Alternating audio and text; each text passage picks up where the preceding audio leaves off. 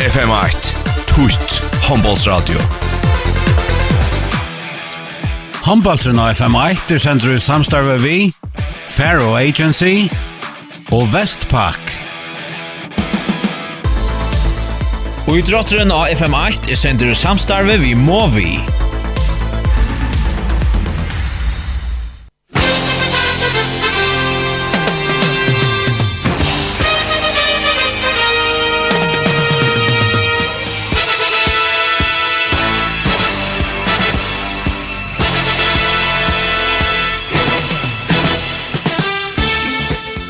Velkommen til frasagt av ein og sera avgjørende diste om fjóra plosse i Burnmanstaltene og i håndbalte, et plass som gjør ergang til FM enda spillet. Nummer 3 er VUF i 16 stion, nummer 4 Tim Klaksvig i 13 stion, nummer 5 STUF i 11 stion, Og nummer 6 er næsten vi 8 stion. Næsten er spalt eindest færre enn hine trøyline som kappast om å komme i FM. Enda spillet sammen vi KUF og H104. Og til er Tim Klaksvig av 13 stion som teker mot den næsten noen som hever 8 sti. Og vi tar okkara håndballsfraser med Andre Klaksvig, Sjur Hildarsson Høydal. Kjør så vel. Takk for det her, Herre.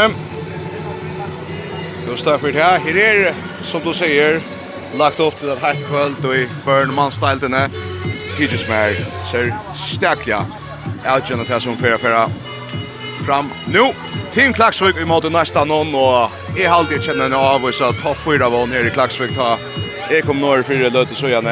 Här är näga näga fölkje men här är plats för flera.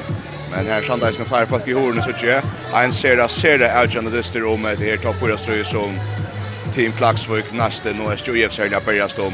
Där snurrar som man kommer i halvfinalen med FM och han ska inte göra stöd sälja för Team Klaxvik så heter vi en värja Sunnelight vet. Så gott och snitt mont och mont har omgång till här finns ju för. Jo, är i fjör och en två rundan tog jag isne. Men nu tatt jag närgrant över vi spelar vi tar vi förra matchen heter Skall Tar Därför blir det där vi David Henrikman i mål, största kroatiska malvera någon som hever. Ja. Vi var innan det senast vi var ju for just denne här så er han kanskje kanske ikke best av disk men så pratade jag ta i hast og så så får han og ble beste malvera i förra natter. Og så är det för att det styr inte kommer att se det där nej nu det spennende att finger for just denne här så er han ta i Team Klaxvik vann 28-20, ja STUIF. Her fyrir altså byrja við David Henrik Manumal, Klaxvik Kinkar, så vinstra vann verda Luttvik Sunason, og vinstra Batje Valentino Valentakovic, Amin Amine Vukstevanovic, og høyre bætje Samala Chaldrafløtte, og høyre vondje Wilhelm Wilhelmsen, og nja strikne Beiner Johansen. Klaksingen fra Byrja, og i Alup, noen her vi teker nesten mentaltære, ferdig fram i Kipa Alup. Og i mån til, tar vi så för just den här så er det en stor bröting og det er at i Klaxvik spiller vi seks mån i allop någon tar spalt i samfotlar 20 minutter, i gammel gamla utan så att utvisikar så fremmes. så spaltar vi tjej mån i allop någon och omgår Malveja Atlantisten. Her blir det alltså genom Mara Sibon og Nalbe. Her er i blån trøtjon, og nästa men är sin egen tröjan här kvittar och rätt minimalistiska vill jag säga. Som det är ju mening bäst nästa match och så ett nummer. Det är bara touchingar av Vuxtevan vi skjuter nästa Bjarkar Sasha Lachok i mål och nästa någon Bjarkar. Det är ju sköta stor så blagan här så pratar fram till nästa men. Där sandar så vi Sasha Lachok i mål och Johannes Kraksten i inne här er Rani Höjgård där snälla han vill så Johannes Kraksten ständer mitt för nu så kommer Trondheim Kraksten in Er skipa spelet i allopstövo för Felix Kjartansson. Alltså nästa män som sörs att det är Sasha Lachok i mål. Av vänstra vånge Johannes, Johannes Björkven. Jan Höjgård av vänstra backe Sönder Kraksten skipa spelja mine. Och högra backe är det Johannes Kraksten, Sönder Kraksten skipa av mine, jeg vet exakt om jeg sagt det rett. Og høyre vondje Hans Hørasund, Inga Signe, Uisak, så lever nästa men A kommer ut i högre, inte ordan narska snögnen så lever Johans av mitt fyra. Johans Kraksten så er den i högkort Hans Arasen som det spukst ut men så lever han lengt inn och skårer väl. 1-0 till nästa vi tar spalt i halvan annan minut. Vi i verre støy kommer Felix Kjartansson in för Trent Kraksten och lepa Kraksten går ut och kommer pura fri ut i högre men Sasha Lachok vi rimmar Bjärching mot Vukstevanovic. Sasha Lachok börjar byrjar dysten vi att uh, pilka Svaim og Skåton, det första ett längst skåt, och det nästa ett pura från fra från Vukstevanovic. toppskjøtta och i Burn Manstaltne, men her er det alltså Oajan landslagsmålvärden som ständer för honom i två mål förrån og är imponerande. Och på annars eh, är Sean Tambröjdrich nämligen standa Rasmus, Rasmus Søby ständer som vänjare. Det er nok samme vi finner i hans sinne. Nu Arnar Gunnarsson Ikke langt i nästa någon. Och Rasmus Söper som kör där. Gör det skatter, nå skal han... Ja, vans før alle ikke ser i halvfinalen där. Nu spelar nesten, men Ölja väl ut i högra bonk. Han och Sörasson tjökt med Räka Ståndsna, her Räka Ståndsna, her Räka Ståndsna. 1-0. 1-0 till nästan framme så nu gånger nästa veckan rattla väl och jag kan kan ju upp Johansson efter Samuel Chaldraflet bulten med Stein Borsa där ända allt vi en frukast till Team Klaxvik. Frøykast til Team Klaksvik.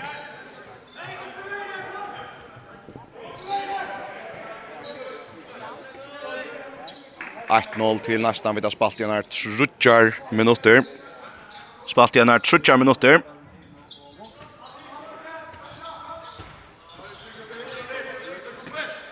Og Klaksvik skingar leva. Så jo, kanskje brøtt seg sin i kjømmer, jeg skulle knapt skal skru på at ta høver til tess. Vuxtevanovic där bra här och till vänster och spelar väl vidare till Lotvik och Lotvik Gunnarsson i jumpen till 8-8. Lotvik Gunnarsson jaunar fyra till till Laxvik så för nästa men Brian blir höger upp och Henka skjuter David Bjerga klaxar på bollen nej tar igen nästa men Korsene. Valentino har fänga bollen men så ser domaren ner att här över Halla och i 6 på nästan och Isak Vedspel.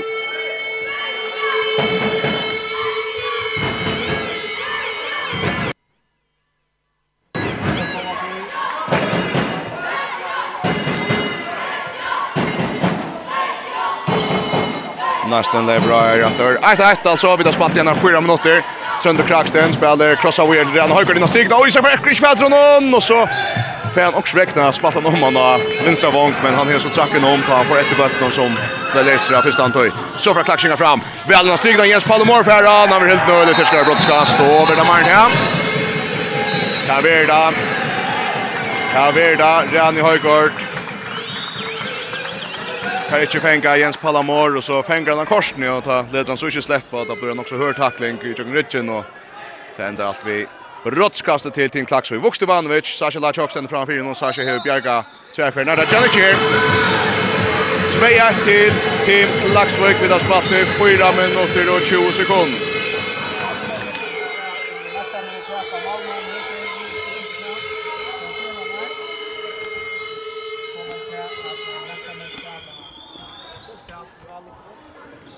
nästa med att Real Obem. Attan för 2-1 nu. Felix Kjarsson blir verand in i Alup nu. Ranni Højgaard hever ut och sin åser. De har missat bulten. Här får jag få honom till korsne. Står Michelin med mitten Trønd och Felix. Men så går en Trønd rätt till Kjolver. Näka väl Jutta Sjöjn i hand. Per är frukast här. Honcho Domarne kommer upp till nästa någon. Pradan i gång till vänstra, där på Trond Kraxen har vänstra batch in mot Mine. Bort Felix så kommer Johannes in. Signar Röna finner Johannes Björkman. Oj, han skorar. Johannes Björklund vinner vanker till nästan ändar helt nere högra vånja. Han fär bulten från högra backen Johannes Johannes Kragsten. Och det enda vi att han sätter han väl i nätet fram framom David Henningman. Nu får att få chans att högra till Klaxvik och det enda vi att på bulten och strikna. Willem Willemsen är bra och högra vånja men släpper Charlie Jöcken som stannar spelar in och strikna och här Jens Palomor och fänkar han och Johan fänkar brottskast. Det är för skor igen. 3-2 till Team Klaxvik. Jens Palomor av strikna.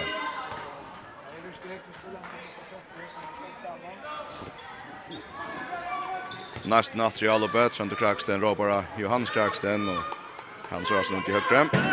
Här är ju under talja hålla mot att säga så tar kan man time hem då. Nögel och så är alla böt. Som gott pressen mot Minier. Felix Rönne. Åh, han missar bulten och så täppt mål. Vukt tripplat med fram mina så kastar han och så är 4-2 till Tim Klaxvik. Det är 4-2 till Tim Klaxvik. Vukstevanovic. Per bulten har vi hur att säga. Ta i nästa men släppa sig av om släppa sig av bulten i Alupstovo. I Alupstovo. Och nästa men nu görs av fullman här. Och tar skuffa klia till Alupen nu. Sönder Kraxid. Gör av. Vi är helt för fisk. Tröna släpper Jöken korsne och Vi har sin rätt med han och Vukt ända allt vi en god korset till Vukt Ivanovic. Som så henne till Tetje för att Trönter har brukt albuan chansar för att släppa så läsen tacklingen. Här var kjent også. Så lepa dra her nästa vei. Inna mina. Röna på andra signet enda etnas sväl och där får ett frukast bäst. Vi sa kvätt spöla när signet det kan ha brottskast. Vi näga kruster Arna Henka bulten. Nästa men det bara åter. Det akengande agengande Vongberg kan de nå. Dagshingon och så för han Sarason och han kommer alla vägen om han har vinstra vång och högra vångren.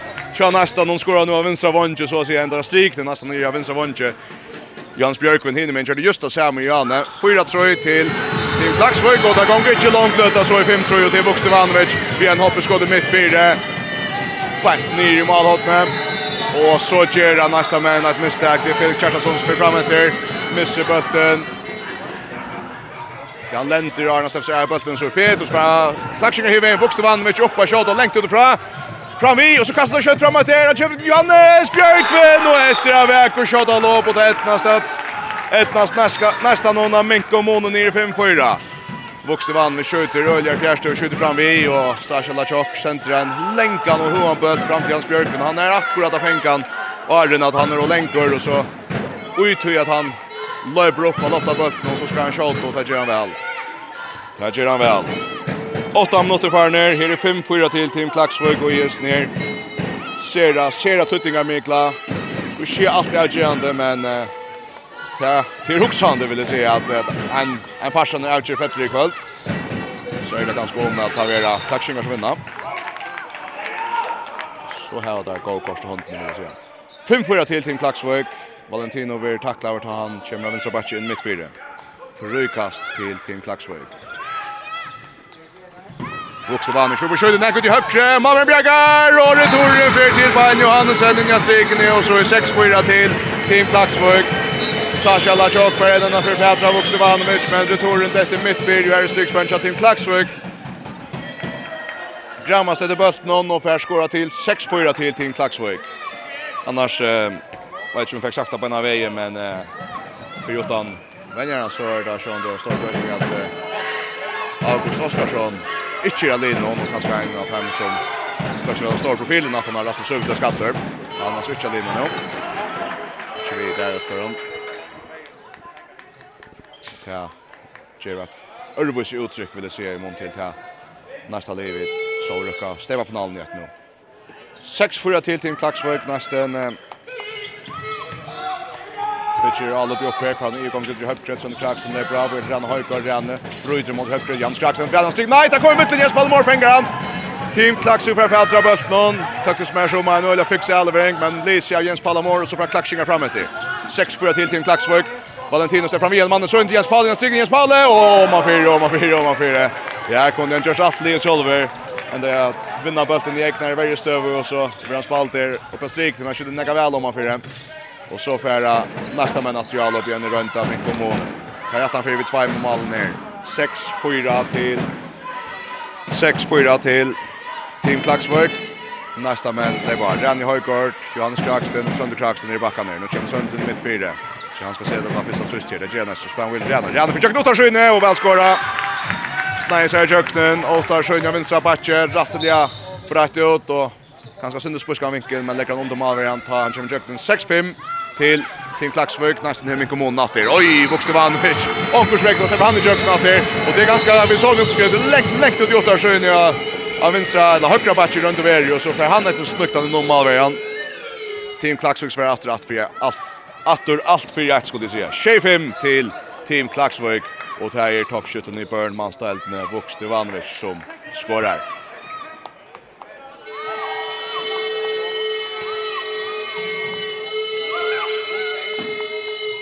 nästa men det jobb vi när hon gångta minus och lever bra med högre högra Jan Jackson på för ja han lever bant och i Bergaren och så är tråk dömt emot nästa någon och Klaxo Schenkar tar sig han och tar av rollet nu får vi fram och Röna det Jackson tror i mål 8 till Team Klaxvik Team Klaxvik i Alba så halt jag klaxingar komma vid kända mannen i Alba. Det gör det just nu ja. Det gör det just nu. är Jan Eli Ragnarsson som kommer kunna strikna. Sen så här på Johansen. Nu spelar kanske där väl om den vänstra vång. Klottvöker köknen och han skruvar på men han räcker synet det. Och så kastar Sashi mot Tom och Malm och Grafera. Dixtimale. Dixtimale kom till att och inte sitter bättre.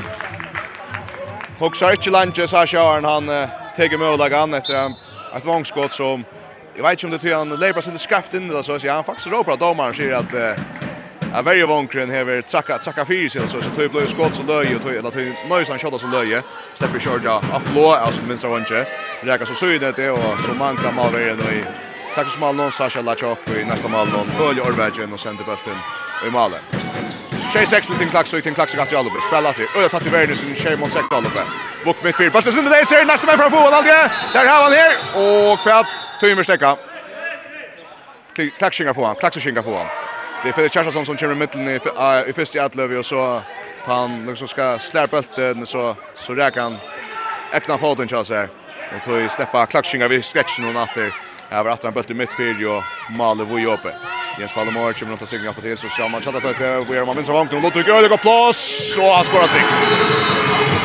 Öle plås till vänster av vanken Nottvik Sjunasson och han hamrar bulten ner till Hesmer Angenever 8-6 till till Klaxvik. Så för Felix Kjellson upp, goals, goals, han räcker fram i, han räcker fram i, han räcker fram i. Klaxvik skickar fram framåt. 8-6 till Tim Klaxvik. Och Klaxvik går runt efter att Öje betrymma dem under. Bokstavanovic drar krossa bollen och om om ettnast för att frukas just att han är för hötter öl vid en sån brej om backskott i hoppskott och och i Öster löt och så får han justera sig runt och lagt bollen in till strikspelaren Stian Paul det men räka så i städen i Höttja, en av värläggarna som är igång till att fyra sig. Frukast till till Klaxvik, så... Alltid till timeout? Nej, bulten ska vara torskast. Løydel spelstegger her, ska skal torskast. Det teker nästa venjaren Rasmus Söpys ser ja. 8-6 till Team Klaksvøk. Kännes som att Team Klaksvøk kan skal lite sönder Peter möjligheter i Alopstöva. Här Ivanovic med sin hoppskott. Valentin har kört sig skott igen. Det kan vara ta kommer här. Nu får han få väl till Knight. Han rönnar stående och strikna och från atter. Och så kommer han som atter mitten. Ludvig från atter korsne. Oj, Ludvig Sunna som skorar. Böltre vill läser tvärfärna. Rösnal upp mot Kjaltim Klaxler. Men Boa färna ända. Klaxler Sondon. Og Ludvig Sunnasson, han hever av Lydesen av plass etter av vinstra vantje. Lever bant og fra høkkebølten i nettet. Så Felix Kjærstason har skjøtt. Han rekker stønsna og klaks og kjengar få av bølten. Klaks kjengar av bølten tar åtta vid 3 mån vid spalt i fyrsta minutter. Knappt her. Nuttjo 6 til Team Klaksvøy. Klaksvøy kjengar i Albjatter. Vuks til Vanovic. Innan Trøsta. Oi, spiller han vel sånn han fløtte, men her er Frøyka spant fram og undan. Och så vukka i tidsje fjøra fjøra fjøra fjøra fjøra fjøra fjøra fjøra fjøra fjøra En fjøra fjøra Fjørsta minutter farner 96 til Team Klaksvøk. Nästa menn farner brenna ytla. Rek ikke maler i flere føren her. Og nå kommer klaksingar atter fra Jallop. Og bättre Attersen leser til å få han atter. Ender ikke vokk. Og så tveit han på in i Taumann heim. Sasha enda vi inn. Han tveit imot ut i Taumann mål Og han fyrt dikst i mal i atter. Han fyrt i mal i atter. Ulja rollet kast fram efter Bøtteren. Etter av gulvet og hoppar en svärfärd. När stod satt av Sansa Petti i malen. Nuccio tjej til Team Klaksvøk. Det halda fram vi spelar Shimon Sekta gjort i samfotlar 30 minutter mot SJUF, men han står på passet söder med SJUF tar tot i hur kasta ta mål. Kasta en 5-6 för när vi söder ja. Här på en TV Sasha Lachok Revsa. Revsa Bultminsson fra Klaksvøk går i två mot förron. Klaksvøk framme så åtta vid två. Valentin upp och hänga. Skott om han fyra. Mario tömt att Sasha kastar och John! Och mål! Så kommer han kalla hattrick alltid till Malverjan. Sasha Lachok med sin trea mål minkar munnen till 98 så halt jag klaxingar Moe täga konsekvenserna av så ser att är allt allt och vad är spel men nej tar täga mål vi har notat där där täga mål vi har notat där Korster färre minkar ner i ett klaxingar att få på fyra på fram någonta men så missar där svar där och Tar för att Dixon tar om mål där vi Sasha Lachok för ska Wajan landsis mål vara någon. Ludvig Sunason går press från vänster här. Sen det skiljer sig alla någon skulle skipa sig mot John Takshingar.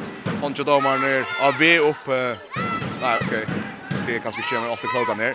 Så att det ut mot vänster. Vuxte vann. Oj, ett lankare standard skott av vänstra backe. Där släpper den ner vid vägen. Vi ser mot sex spel någon. Och tar Jens att alltid av langa bollen i målet. Och så från nästa man hiver. Nå tända vi att David Hedman Bjerkart har hänsa som lever jökna högra vänster. Där kommer kött i jökna nästa man men nu har det touch åtta till till Klax och Klax skickar fram fram för chatter. Bokstav Andrich för bättre fram och Isak möter under värne. Går det Valentino. Stäcker Sindra. Ja, Bokstav Andrich som inte en affär. Stora likarna vettlon. Man vera. Jag just det på som I know. Och sen slikar de. Ska se att det är flyger på ju. Annars Erjen Hammersten. Det fer Klaksje, Klaksje faller på atter Valentino, han fer jøkten, banten om, låter sin og batchen, kommer om bunchen, han som 24 och brottskast. Brottskast. Brottskast till Team Klaxvik. Vladan Abramovic kommer in i nästa mål, jag första sen i det. Vukstevanovic ska skjuta. 28 til Team Klaksvøk, brottskast til Team Klaksvøk, Vukstevanovic. Ongen Høttan, langa bulten, bant i nete, og så er 11-8. Og Rasmus Søby fyrir vel grøna korsen i og teger dagsens fyrsta timeout. Så skal vi se på en som er at jeg har vi ikke mannskyttaner til at vi er på igjen etter at skipene er så mye klar. Men jeg kan så møte om og si hver man vukker finner en 5-6 mål også. Altså, øde før om vi er greit.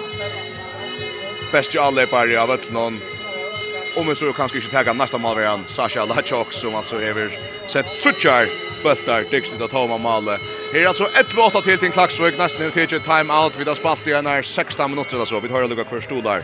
Handbollssändningen. Cheers väl. FM 8 Tutt Handbollsradio. Handballtren av FM 8 er sender du samstarve vi, Faro Agency og Vestpak. Og i drotteren av FM8 er sender samstarve vi må vi. Vi er jatter her i Klaksvikar, Badminton Høll. 11-8 til til Klaksvik og jeg snir topp 4 strønnen og i Børndalen er og vi er det ikke så er topp 4 strøy, ikke bare for heier til er for at det er 4 fremste linje etter 18 omfør og til jeg vil si at dette er 16 omfør 2 etter etter etter ta gammal nu skulle skulle man säga nästan hever en av två flyger till isen.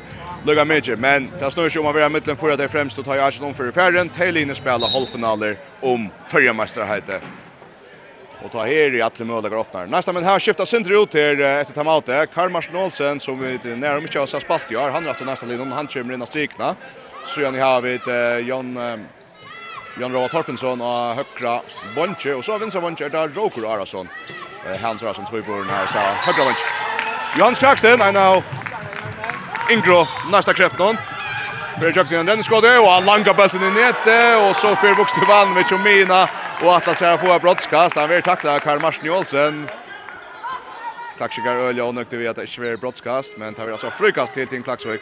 Eh, fralukt nästa avlopp här eh, börjar vi efter timeoutet. Jans Kraxten eh, vid gåen, gåen renneskåde, harst upp i långra hotne. Klaxikar framme i sitt timeoutet. One hit wonders. Malon. Ah, FMI. Nu har jag också Göran Kjemmer. Vad sker här?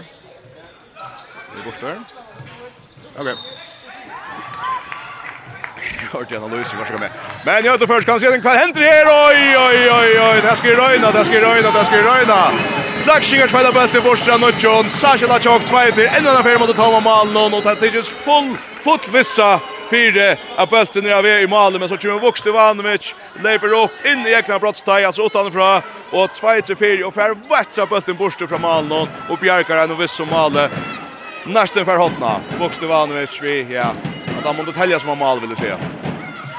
Så det är bara Per Bar Kraksten, Johannes och Trönder av mittfyrer, så då vinner och så Øysen Sabir Sjøkken för press in efter. Så det fem steg nu, nesten men redan höger ända här inne. Kämpar til noen steg, det her er pura lest, og klaksingen på bøtten, klaksingen på bollen. klaksingen på bøtten. Willem Willemsen, fram i kjallet för bøtten, och han läser, och han stosser av Ivle Gjørn ut. Han stosser bøtten, Ivle Gjørn for ut. Så från nesten men framåt, til, Sønder Kraksten, trippler frem mot vänster. Johannes Kraksten, hälsar så bollen och så missar han bollen och Hever den frikast och vi har störst nej från Klaxislävne. Är du kör med dem själva är satta faktiskt inte.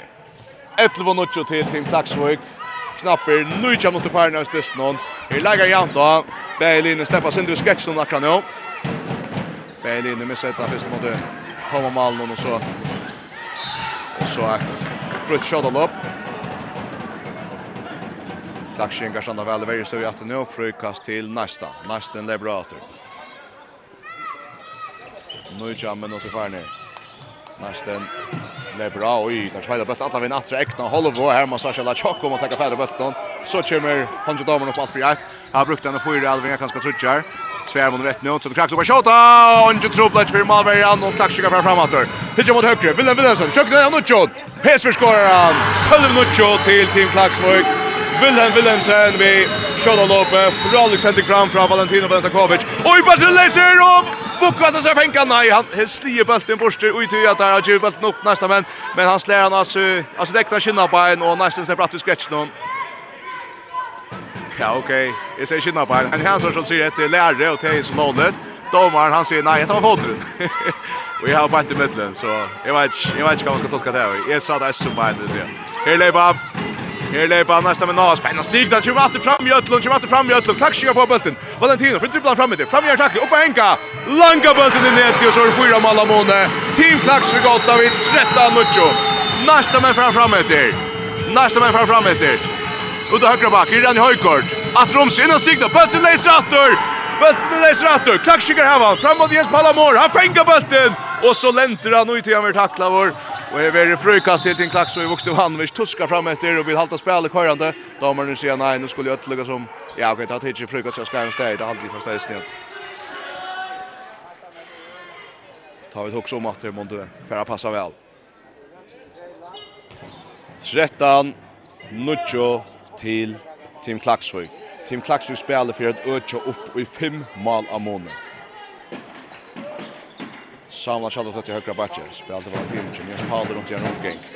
Spelar vi vidt som Sheimon i alle boks. Baka seg inn i måten. Skroba henga! Og i Bergeren over Hotnagast. Hotnagast. Han får opp og henga, men som borser omkom. Og Bergeren får hentene fire. Fer fram i. Samla Kjallot høyt til legge press fra høyre. Spelar fram i skotta Malvera til Klaksen. Her Sheimon i alle på. Valentino. Til vinst som bok. Vuk. Dripla i nummerna.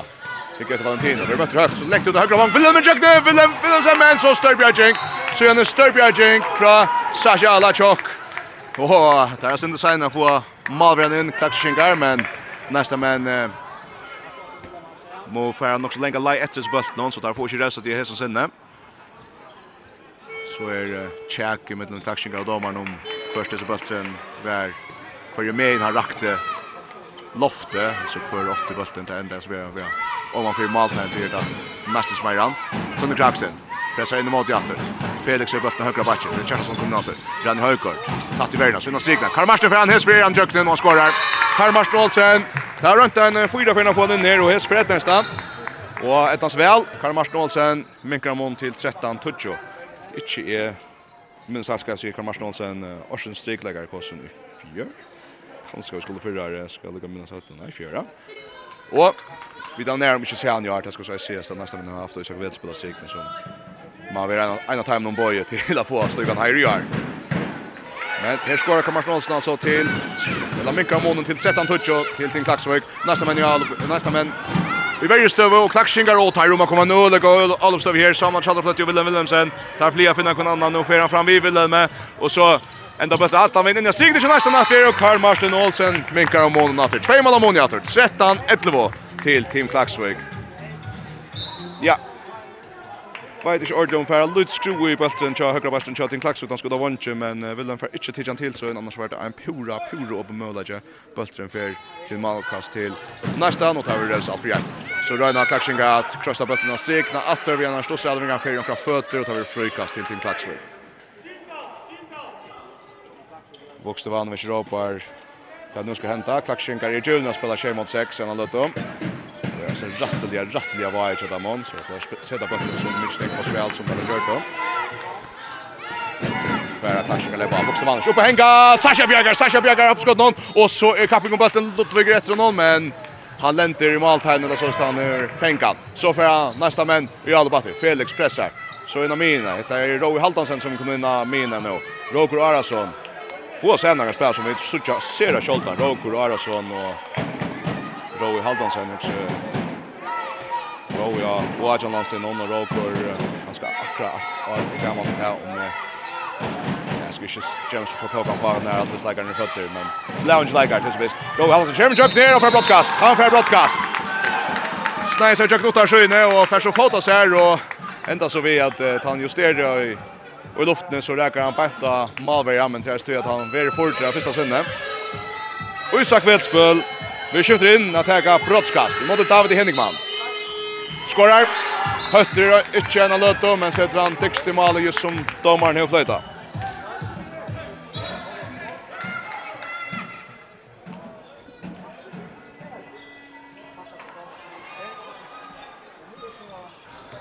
Goer 5 minutter etter av fyrir hålla ikke, nu at det best ett mål av måne, Klaksing Rednans via opp i fyra mål, og så skåra og næsta menn 3 mål her etter. Laga jämt och åter här i Klaxkar Badblad och Louis en brännande hajta Burnström och i Burn Manstall nu. Och så för Sashi Lajigat att komma igång Glenn Bjarking till samma channel för så skjuter högra back i hoppet skottet. Sashi ner i Bjarkar. Så för nästa man framåt nu kommer Jauna Sonny Kraxen med fyra Felix Charlson. Hur plats och han tar en undra skott och tar fyra mål, tar fyra mål, tar fyra mål. Jauna Gert 13 13 knapper 5 minuter efter för hålla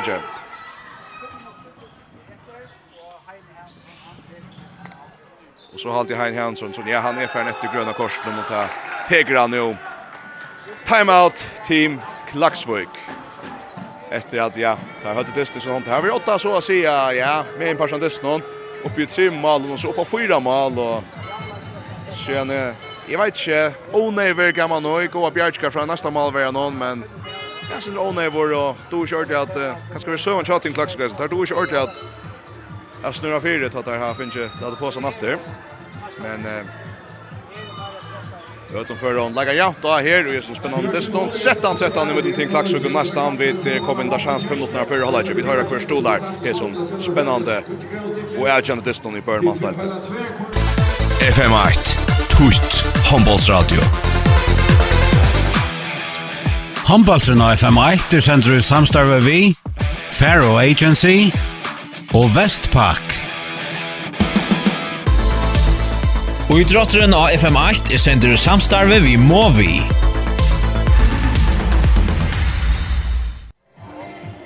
Trettan, trettan. Og i mittlen team Klaksvøk og Nærstan.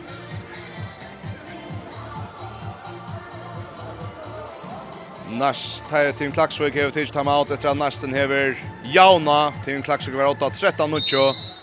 Lukta lödi etter stå 13-13. Tim Klaxinga Sean, det är nøkter nökter vi hettar.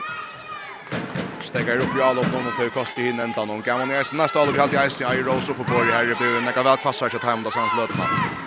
Klaxinga spelar vi. ja, samma man fallet där, jag sås jag. Atlantisten, jag spelar Mora och Stigner nu. Valentino har vinst batch, han får skås i första man nu. Upp och hoppa mitt fyra, langa bulten i nätet. Fjörstan, 13 till Tim Klaxvik, nästan i allopet. Felix Kjertason till högre, till Jon Roa. Och så tar han färden av bulten. Så skiftar det ut. Ro Haldansen kommer in i backshotna. Och Isak Vetspöl. Jag får länga pauser. Han och så ungan alter så blir han spela Ölja Nick. Vars nästa led nu är han bara in i varje stöv. Det är ganska...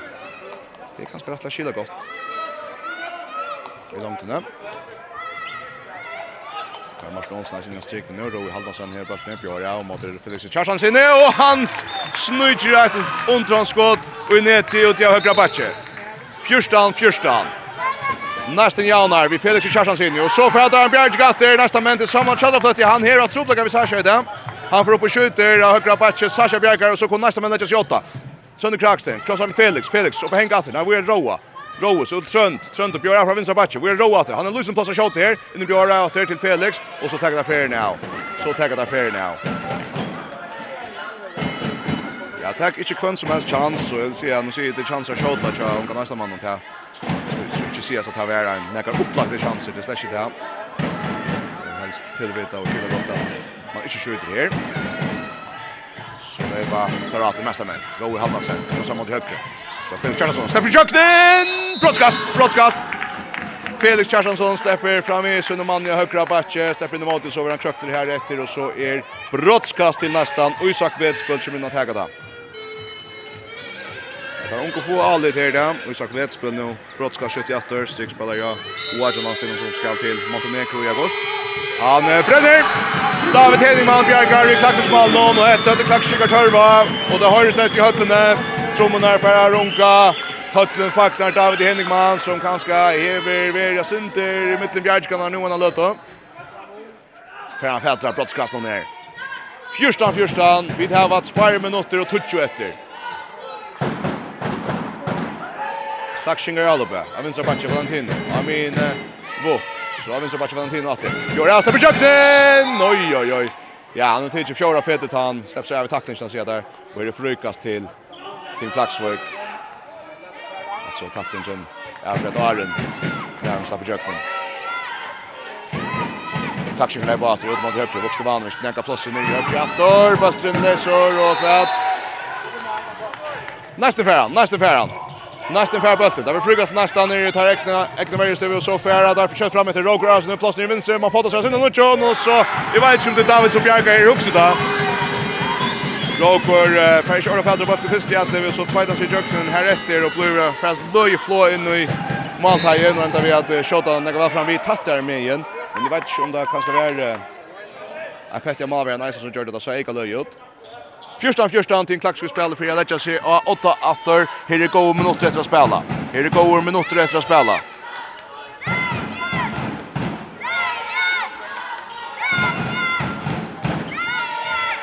Valentino mitt fyra. Uppe henga. Jens Paula. Jens Paula. Pantin i verigaren spelar kvar vidare Valentino ut mot högre vill den här bulten nu.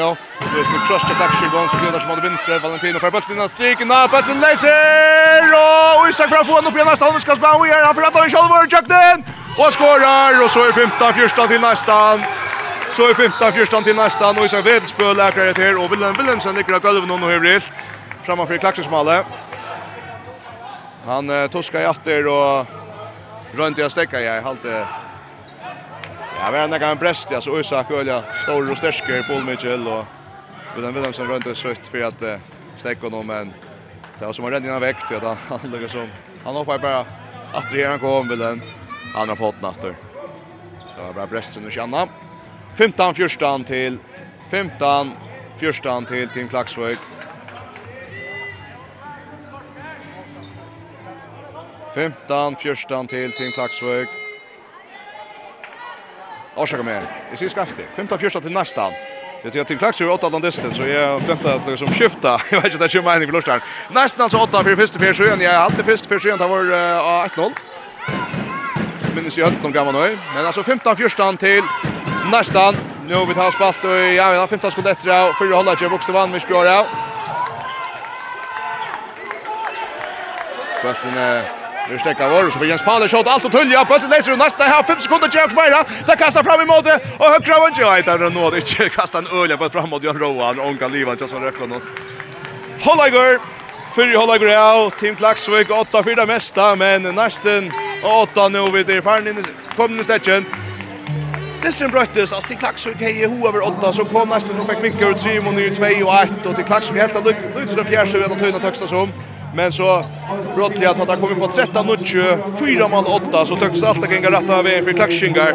Ta kommer nästa vända igång. Kanske säljer varje stöv för fisk och så Finget där Rosa, kjem mot sex spel någon tja Chatin Klaxvik vi har sända bulten här i tömt mål och så kom alla upp i gång. Ska sälja strikspel vi kan marschen Felix Kjartansson och högra backen vi så någon Brejo skott och när vi har se. Ettan stödja väl.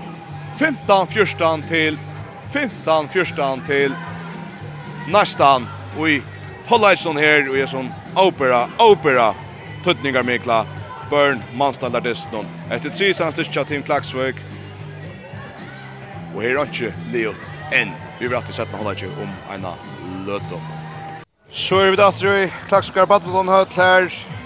Sattni hålla går av sån här outgerande avgjørende topp 4-dysten i mitten nästan och Team Klaxvik för igång. T 15 14 till nästan Team Klaxvik var 8 med en partner för inte.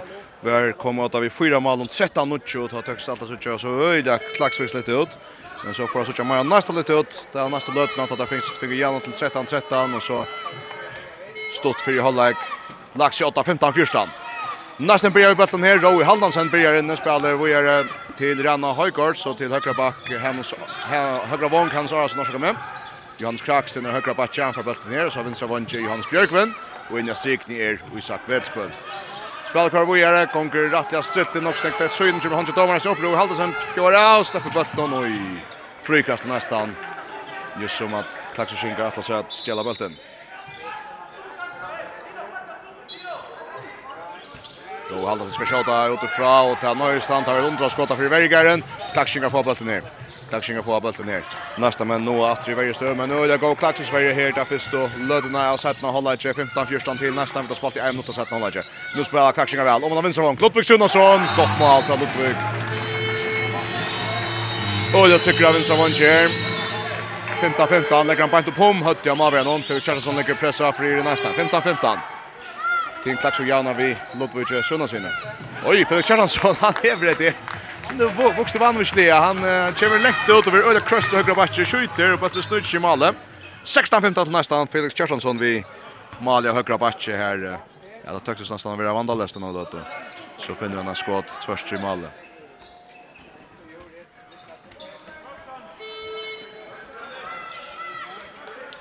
Klax och Shingar i alla bjatter. Valentino och Vox spelar samman där i vänstra. Det där Samuel i högra. Det är Samuel där för att trysta. Sen Lutz alla Nu Jag var vidare till Wilhelm och ett gott mål från Tim Klaxvik. Wilhelm Wilhelmsen ger det Leo. Samuel Chadroff att göra kviga händer där fram. Och Lekman så lägger han i som rörste vidare till Wilhelm Wilhelmsen. Oj, för Felix Kjaersson på skott här i nästa lopp någon räcker i väggarren på sin omat.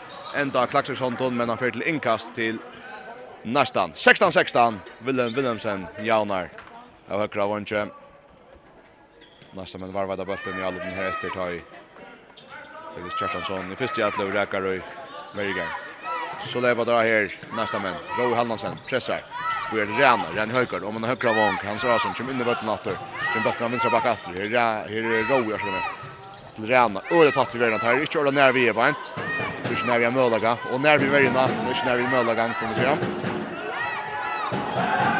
Jan höger lägger press nummer upp på skotta på inte Vergaren, og tar Hefner, klaxu nästa menn er Hefner, Klaksu Kinkar har trakka bulten, tar han på laser. Där ska Shota nu, nästa man. Johan Sjaksen, underskål, Pente, David Henrik vann mål Malnon, David fær bulten, Kastar fram efter, så frädar fram för att lägga sig åt efter Kaxingar. Vuxte till Vandic. Gör han spel Felix har stjål i bulten. Och så kommer fram efter. Hans Ransson i shotavloppet. Och det går väldigt från Felix Hans kör ni ut till väl. Nej, det gör han inte. till David Hedeman. Svär att det blir Störbjörging. Och så från Kaxingar hivin. Här plassar Vinstra Vancho. I väl tackla av Johannes Kraxton av Vuxte till För inte spalta någon av Vinstra Vancho. Klaxingar varvar av bulten korsne. Klaxingar varvar av bulten. Valentino innan stigna. Hurra fri, Beiner skorar. Beiner Johansen till 16-16 av stigna. Valentino väl spalt innan stigna och så färra nästa men hivin. 16-16 till Tim Klaxvik, Tim Klaxvik blir 8. Och Felix Kjartansson blir verant i nästa allov nu. Nej, så skiftar han vid Rå Haldansen. Så här där Rena Höjgård, og Haldansen i hans kraksten. och Ska så se att i halter har spalt nok stengt etter søgene.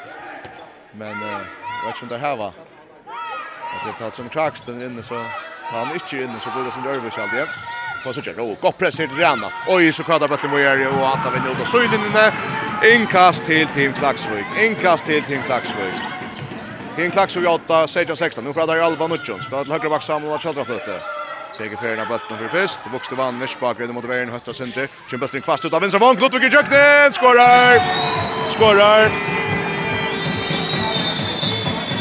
Adjan 16 till till klass Ludvig Sunason och Nutchon vi går om mångmalle och Felix Charlesson Björja vi måste mot Vuxtevanovic. Hör tackling men rein tackling. Tacklingar fäktas nästa man och sen drar nog där. Vuxtevanovic tacklar harst och Felix Charlesson Nästa man i alla bjatter. Roy Haldansen skipa spelet så Ren Högberg jag kanske kanske skipa spelet vänster backen för någon som ropar ölet nu så kommer skiftet her. Jan Skaksen näga min ut i högre så in back mitt fyra så vinstra back. Roy Haldansen. Det säger nästa då Isak Färn han läser och så är Arjan Sejan nästa minkar om Måne. Roy Haldansen in till Isak Vetsbøl. Tarberg och Arjan Lansens lägger finna kvar annan. Och så för klaxig gratt i alla upp. Där är framför ju en och framvis. Vuxen Vanners oj över klaxar. Räkos det är han så har slänta vi allt det när de hänger i nacken och hålls någon av och. han Släpper fram i. Och så så er Team Klaxvik en flyer av att Ein en flyer av att någon och i 2 minuter Achan Sejan till Achan Sejan til Team Klaxvik.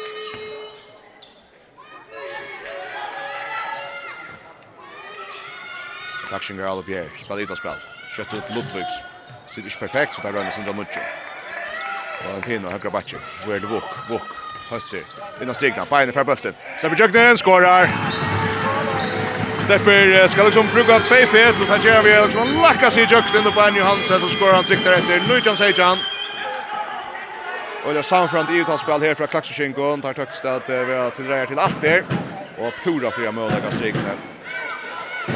Nästa män från den högra gången till Jan Laur Torfensson som matchkommentator. Kjemmer Natter.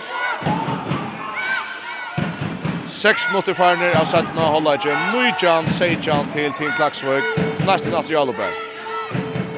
Jan Høygaard av vinstra bakken. Hans Kraksen mitt fire.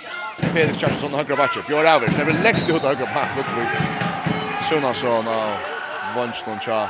Nesten for takla. Tar under talje i knappan minut så att nästa män Johannes Kraxen med fyra. Inna sikna till Isak Fröjer och Färbulten i målet. Färbulten i målet.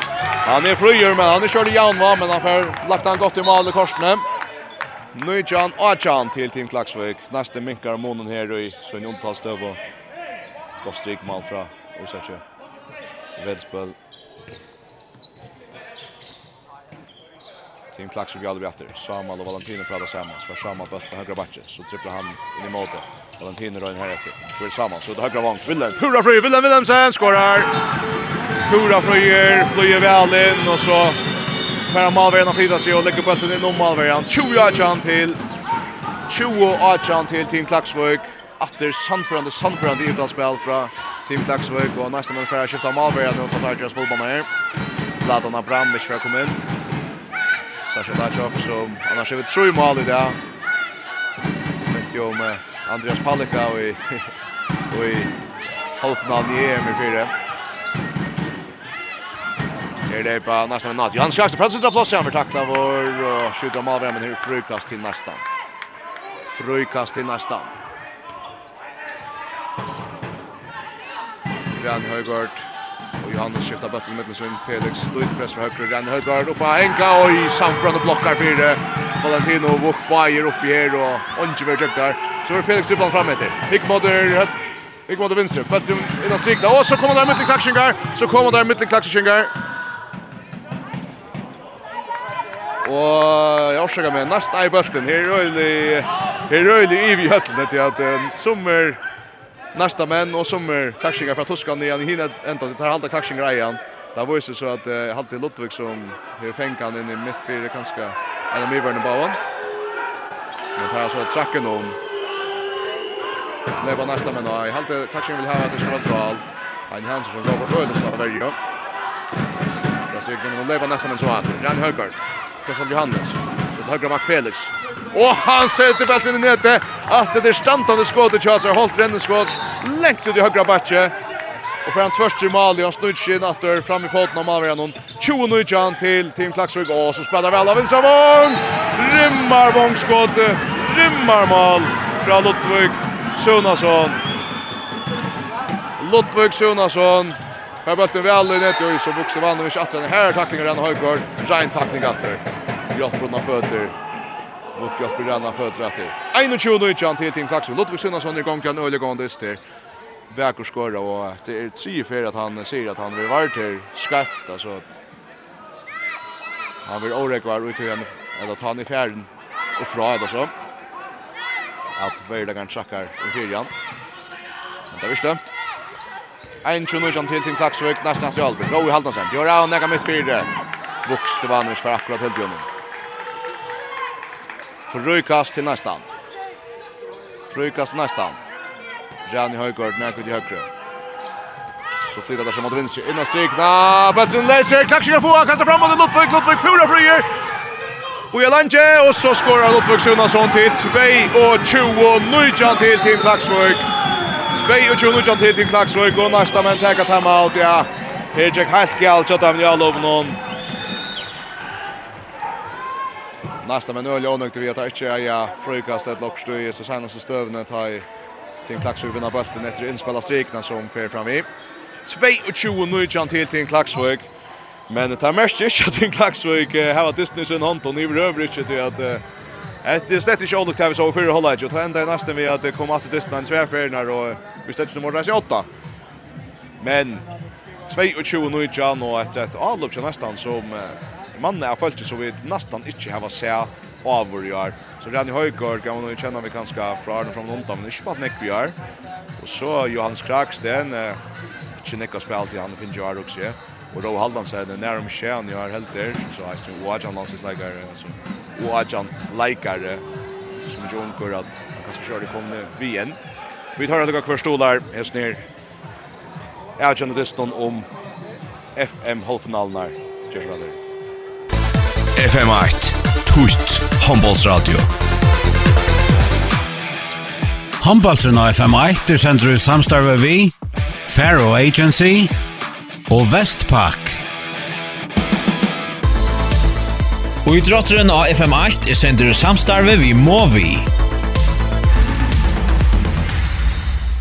22 Nujkjan til Team Klaksvøk Næsten kom jeg tro om Han har løtt det, og så, ja, nå var det nødt til ta mat Tamata spiller, eller unge mannen, og Johannes og Roa særlig ganske. Nå kommer så tvær røndar igjen. Finner Hansen av vinstra bak, hvis han sinne det, og så Trønne Kragsen på materialet på tja nästa nu. Nu spelar väl nästa men innan strikna och Isak Betsböl och här ska vara brottskast. Det är Janne Höjgaard också där som finner Isak Betsböl innan strikna. Brottskast till nästan. Han är stäppt till friskott. 22 och till Team Klaxvik. Nästan runda mycket i brottskast här. Som Klaxton täckta. Han skorar. Nej, okej, okay, har det ut sak mot Sönte. Det har inte ut sak mot Sönte Klaxton. Han vet inte själv allt, ja. Han färdar vidare han kommer efter. Han ja. Han var dömt för att han flyter foten, tar han täcker brottskastet och nästa frans inte mål. Team Klaxvik kan för fram och Dutch blir fyra mål. Amone. Spake och Chuno jam till Team Klaxvik.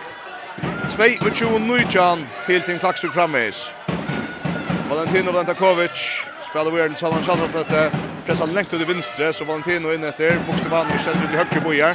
Så var Sjaman bøtt datter her. Øl Iva samt datter seg.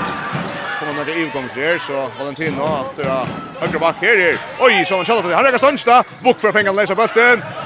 Och så skjuter han Malveren här efter. Och så får han nästa man fram efter. Jon Rowe innan miner och Isak Vetspel. Här plats. Han blir att Jon Rowe. Jon Rowe jöknen normal. Två mål av i åter. 22-20 till Team Klaxvik. 22-20 till Team Klaxvik.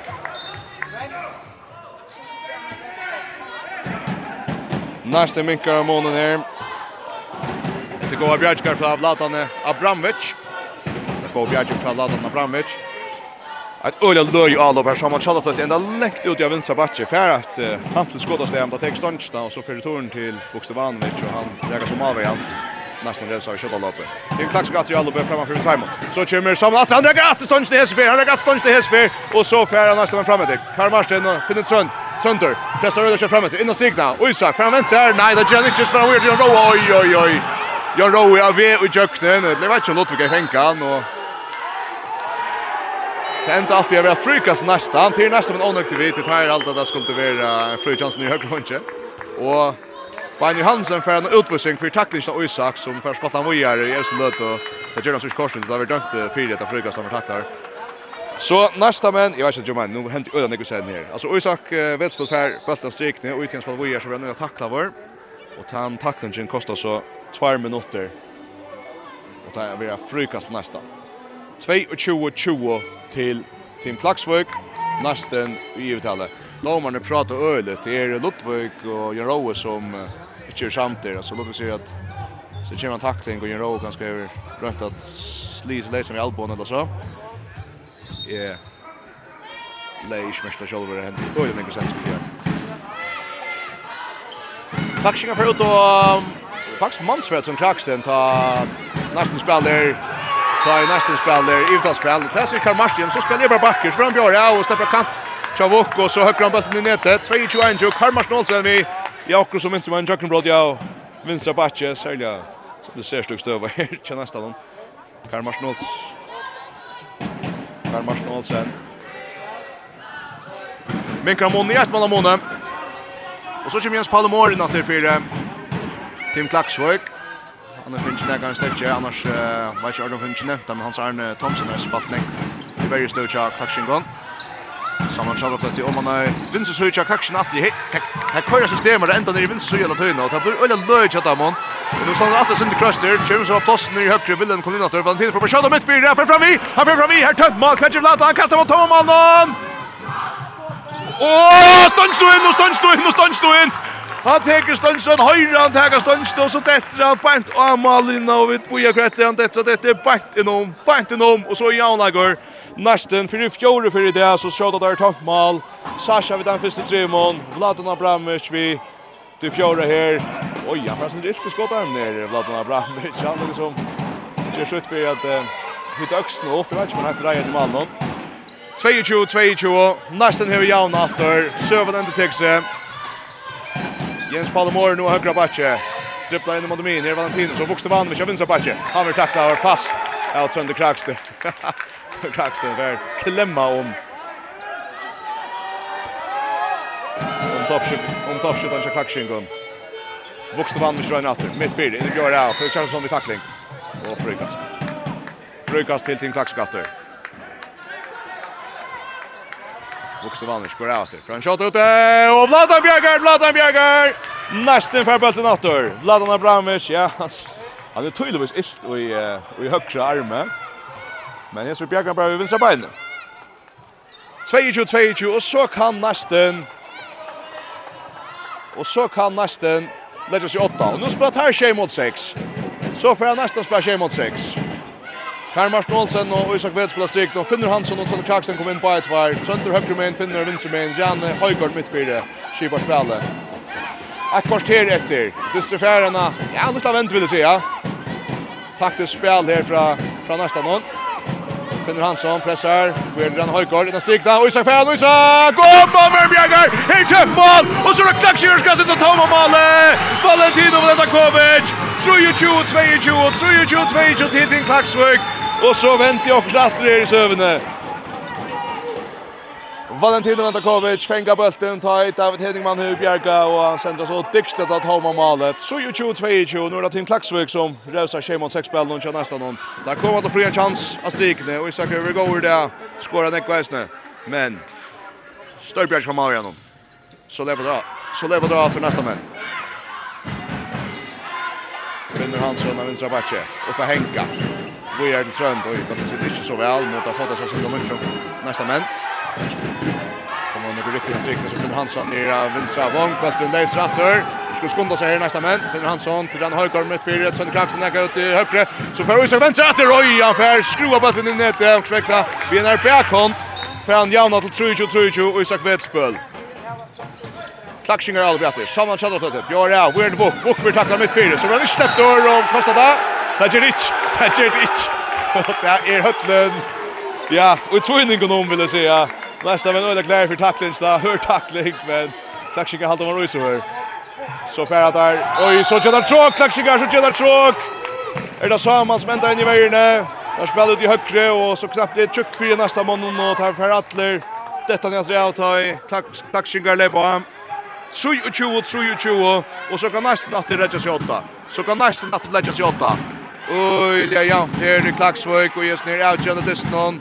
Tuttingar Mikkel ska sketa över senaste outgärden, men han häver en stor anläggning ut till outgärd som är av er. Det är tre stans till Klaxkingon. Femte stans nästa mån, om minst rätt rätt någon. Nästa män är Bater. 3-2, 3-2, 13 mot 30.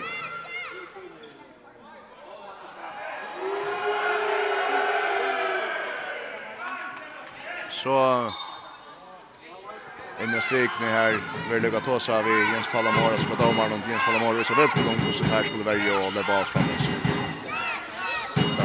Ansa Särn och sås. Nästa man jag aldrig åter och det stryktes på schemat 6 att Finner Hansson och på shotta.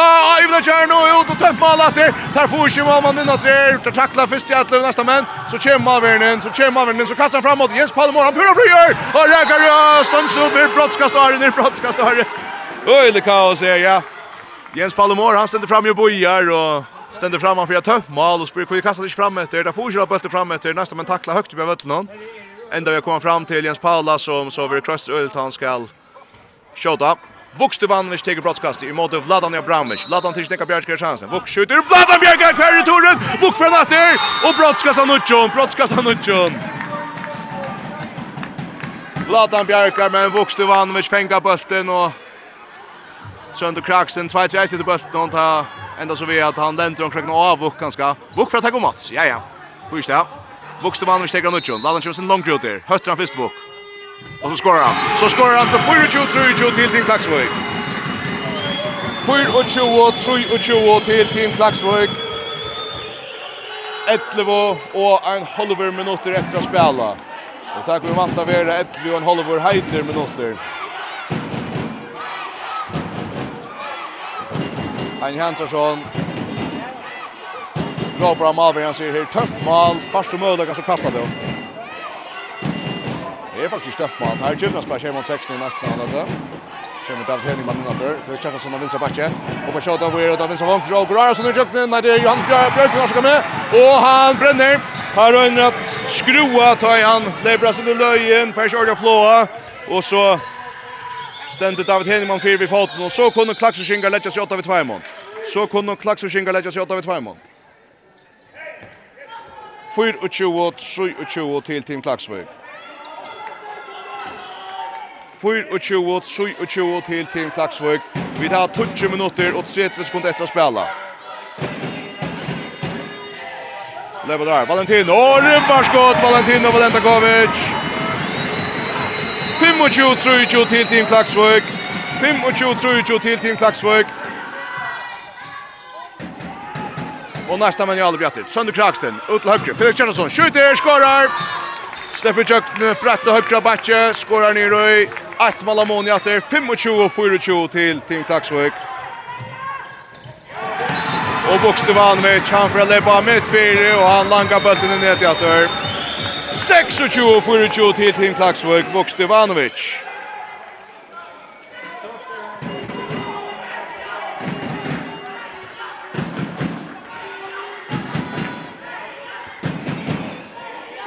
Det er altså øyelig avgjørende. Vi får nesten ta maten fra dere som har skyld på stiatallene her. At vinner Team Klaksvøk det, så sitter ikke annan mål at her spiller halvfinaler.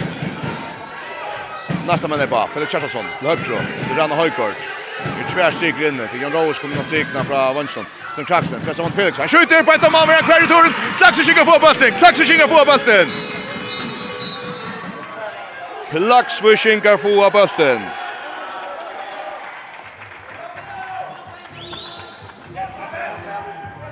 Och i visst kör jag då skala fjärden sitta next bent. Möjliga lusta, möjliga hitcha. Det haltas vi nästan.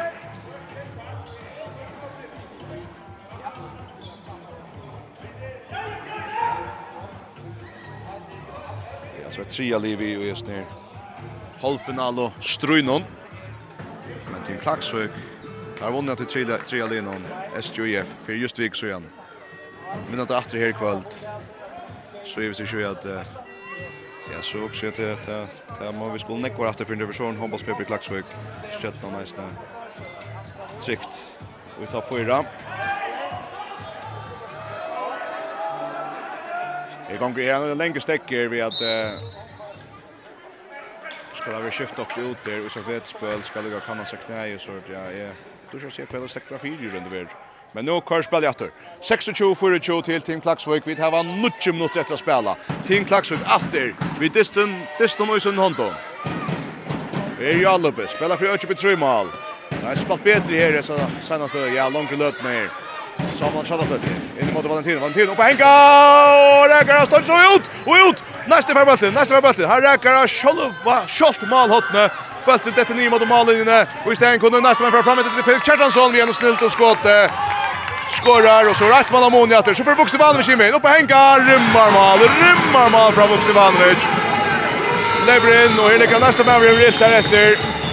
Her er det ånøgde vi av Vuk som ut i en skjuter. så flyr den inn i nästa man eisne. Det är Rani Højgaard som, ja, han fick inte röra där. 25 till 25 Han gör tätchen till att Jag var kläpp vid knäna i målet så vis. 25 till till Klaxvik. Attra rymmar mål från Vukstevanovic. 8 och en halver minut rätt att spela. gott kors til, til nästa bunchen tar ikke nøkte vi der. Og så Kvetsbøl. Ja, og så det er Klaksjen sier tar jeg bølten. Halvtid nå ikke til å spille var jo ikke gongt. Så først han røsning av bunchen, så han spiller i var så mister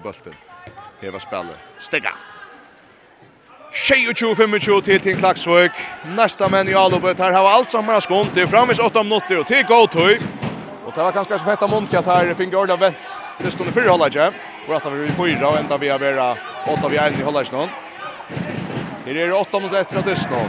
25 till till Klaxvik och till Klaxvik helt hemmet att här kunde näka väl bättre brukar Jan lägga nästa kan. Och så lever det jukt högra vånje och stöp Bjärging med nästa för bättre natt. Här så alltså den jukt högra vånje. Rymmar Bjärging från David Henrikman. det är så Team Klaxö vinner där här så Sunchi är inte några andra mål där kan där för vi är men det ska lucka ansa med vi gör och greja nystöver. Så den Klaxö han har löst under plats i air broadcast. Kjemmer bänt fram i Vukstevanovic över krösterna går efter han skjuter. Brottskast till nästan. Brottskast till nästan. Halde Tröndra att sätta gatter med som. Nej, det var Felix Kjartansson. Han är SV Heiter i sin skåton. Vi sätter en hållare. Spattan kommandest. Bär i värju alloppe. Nu tar han brottskast mot David Henningman. Han skorar. Ett mål Amon i åter. Nästa minkar ner ett mål Amon. 22 26. 22 26 til Team Klaksvøk. Team Klaksvøk at Jalope. 6 minutter etter. Gott der. Bergkjellan det samme som alltid, Tja Team Klaksvøk. Valentino av vinstra backe Bucca Mini och Saman av högra backe. För Valentino på tunna mål Mini. Saman kör Mini. Spelar vidare vinstra back Bukstevanovic. Högt in och strikt där. För fram här där nästa men nästa men får han. Johannes Kraxten stjäler bollen till Tinsvall Chambers så fram till nästa men. Halt inte släppa så kött i alla. Halt det. Så kör Felix från vinstra backe. Han har skottat. Tar igen och han blir tacklad i skottstunden frikast. Frikast till nästa men nu spelar nästa att för Janna. Nu spelar nästa att för Janna att det är stöv är ganska det är klax kört affär slita ut av the hole det hylte månen på lunchen Nästa med att Jalby. Hans Kraxen på den högra backåter. Sönder Kraxen av Mine. Per bulten här. Så lägger han fjärra in mot Mine. Så Johannes bulten i högra backen. Vänder sig. Snajsar Längt ut av vinstmakken Felix. Felix lägger tryst då. Upp oppe hänga. Skjuter! Og Maver noen troplegger ved Jolker över inne. Klaksen skynger på bulten. bølten. Klaksen på bulten. Nu Nå får han framfor Øyke på tve malator. Valentino ser fram hit først taklingsne. Uta. Ökra. Økra Vonka frukast vid taklingsne. Ja. 26-26 till til Klaksen går fram vid 6 mot retter. Team Klaksvøk, etnas atri i verje støv. Og Ankers vekna med her at uh, avgjørende Ferra Fatla. Det er i verje støv om bauen. Linjen skiftas kanskje å finne et avgjørsflå i allåpnån. Men han løter var det Felix Kjartansson som uh, fikk fjerde nästa avløpet, så Trond Kraksen kanskje han løter. Og i uh, Klaksvøksmeien er det Sean de Vox som ständer vi huvudslag åt någon och hur neck bulten. Valentino och Ice kommer igång till någon rymmar skott och Bänken och till touchdowns vi går i där och six på nice dem. Shay och Chu 6 och 2 till Team Klaxvik. Som alltså spelade för sin första FM ända spel Nagrant och så den bästa placering går i man som bolte nägra till sjön. Här var så där. Vi tar kvar stolar spänningen om FM halvfinalen nu. Ja, Anker Auger är det nånt. FM8 Tutt Radio. Håndbollsen av FM8 er sender i samstarve vi Faro Agency og Vestpak. Og i drotteren av FM8 er sender i samstarve vi Movi Fem minutter og 45 sekund etter her og i Børn Manstall der det er noen til som uh, kan hava en avgjøn og leiklod og jeg senda til Klaksvøk og i et enda spil. Vinner nesten så stender at det nok så jant hele mitt næsten Tim Klaksvøk og Østrye. Framvis vi Tim Klaksvøk og Åtta. Vi tvei mot stigen her, men næsten kjann vi endest til farre. det er Østrye i vikskift nå minnes vidt. Tim Klaksvøk, bra. Åtta vi einon. Uda vinstra bak, Valentino, skjuter, Vladan Bjergar, Malvern Bjergar, Latlia, Lofta bult någon. Släpper inte sätta shot. Kött fram på ena vägen så frätar han mina nu nästa män. Klackschinger är kommer hem. Båda fotar sig. Ja, det tar tid så. Så nu Klacksen lägger av för högra matchen. Bollen läser. Lundvik fänger han.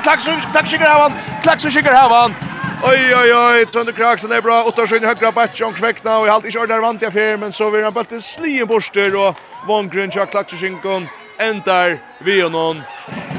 Tjej och tjo, sex tjo framvis till klaxar och nästa men Ira sen jacka så ytla.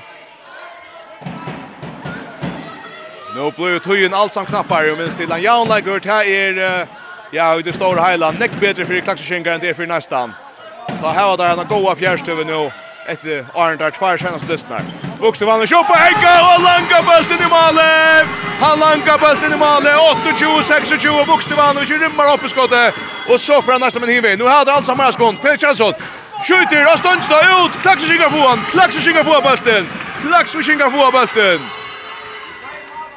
28-26 till Tim Klaxson. Nu sker där fram i Allo och här har han fyra mot rätt att göra arbete ut.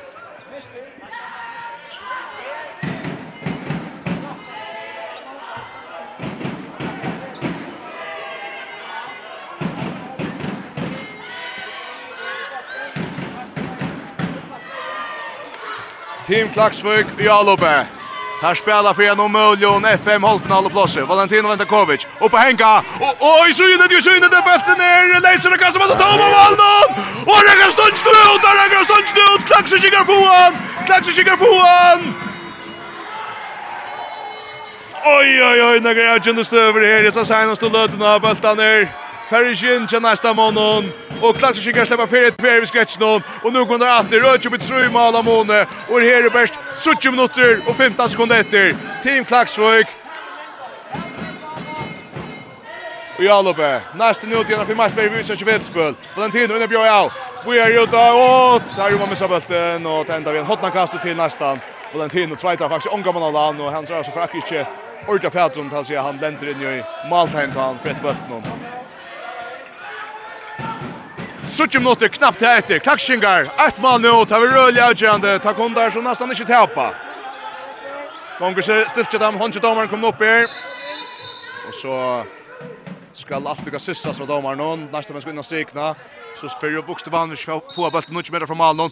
Kjøtt ut av vinstra vann. Lottvik för Jöknen. Onko vinklig. og han Heo trakka ut av ötlen och så är målkast till nästan. Det ser inte även. 28-6-20 till till Klaxvik. Hollywood 3 mot 30. 28-6-20 till till Klaxvik. Nästa man här skont, men tar känner sig häck korsne. Dribbla. Spel högre. Trönt och ropar Felix vad han vill ha. Trönt Kraksten. Spel Johannes Kraksten vinner backe. Klaxvik har batt mot han hör ropar av Verjena. Där ska innan första fyra. Trönt Kraksten vänder vägen och så rymmar Björnjik och vill fänga bulten. Laxer skikker bulten. 2 minutter etter, 8 av 2 mål! 28-26 til Team Klaksvøk! David Henningman, vi rymmer, rymmer Bjergjeng! Trønd og Kraksten sleit seg fram i atlervergene! Og så får Ludvig Sjunasson hive inn, han vil takla vår! Frukast til Team Klaksvøk, og tøyen bæra gonger nyer! Og kjøtt skoj fram vi...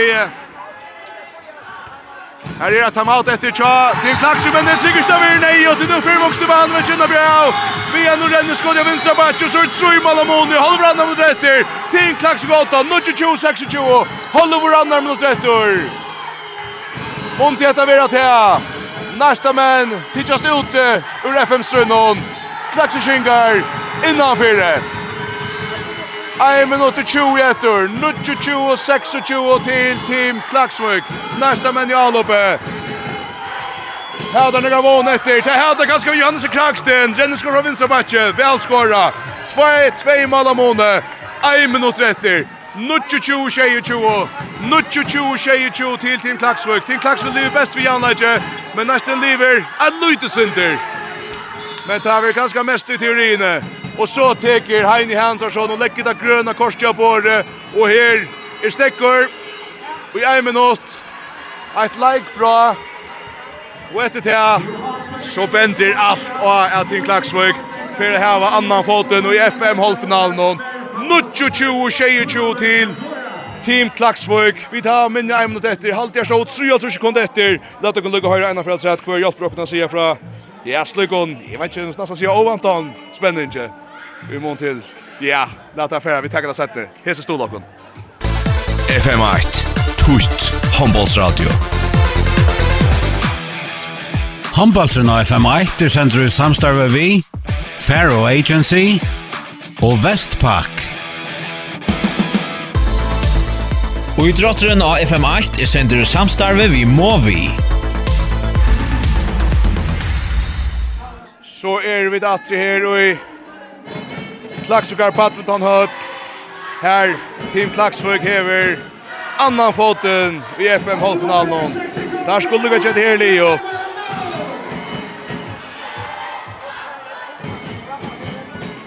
Og det er ikke helt livet matematisk. Og det er tvert trodelig til strett i Klaksvingar mot og mot VF og KF. Neste 20 fyttast av skala. Leierdeien. Men det är lite att han för din klax nu och bäst tror jag det spela. Men här är Rogers. Touchiga spela. Där släpper sen där som Charlo fått i jukten. Nästa man sats på Bjerg där får han inte. Tror mål Amoni att det sätter sig ju. Och så pintar Johannes Björk med nummer slite vid en vångskott. Två mål Amoni att det 30 sekunder efter. Hetta Tejas Marivesteg, hetta Tejas Marivesteg. Tretvo, Tjejejo, Tilting, Klaksrug, der blir vi. Og nå Panje Hansen, Vinstra Vondje. Vlatan Størbjergjeng, men til den ek, jeg vet ikke. Der kastar fram til Isak, Isak, Frøyjør. Skrua bøtte vekk som mål. Ett mål av måne. Ja, ikke helt i ut uten. Her er 20 sekunder etter. Her er 20 sekunder etter. 5 sekund, og Anson etter dralen og noen her, Team Klaksvøk, Valentino, bent seg borte fra Anna Gav Villen for Tripland Joman i hoppene, her prøver være Liot nå og Lotte kvar bølten, men til Liot, Team Klaksvøk er vunnet av nesten noen, og er nå grøtt om han og i halvfinalestrøynen, nesten tidligst ute, 30-22 til Team Klaksvøk, og klokker ned med Lucas Emer, Næsten er ute, støttfrøylig i eisene, SJF vi sikre og næsta någon lejer dig en kunde komma in åt det och så er det kvar hever enda programmet men til klaks vi er altså fyra sti framman fyrir SJF nu.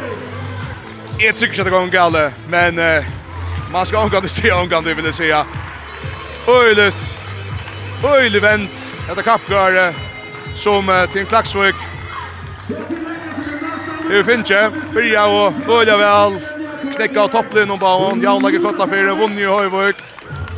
Vunni og... Og Lowe i åttan och sen en lengt løte her til check. Ja, jag ska se hans mer hundan til. Men her byrjar Oliver av Olivera. Jag lukta av FM halvfinalen. Där manglar bästa sista nu. Hetta kunde vara den här stora avgören.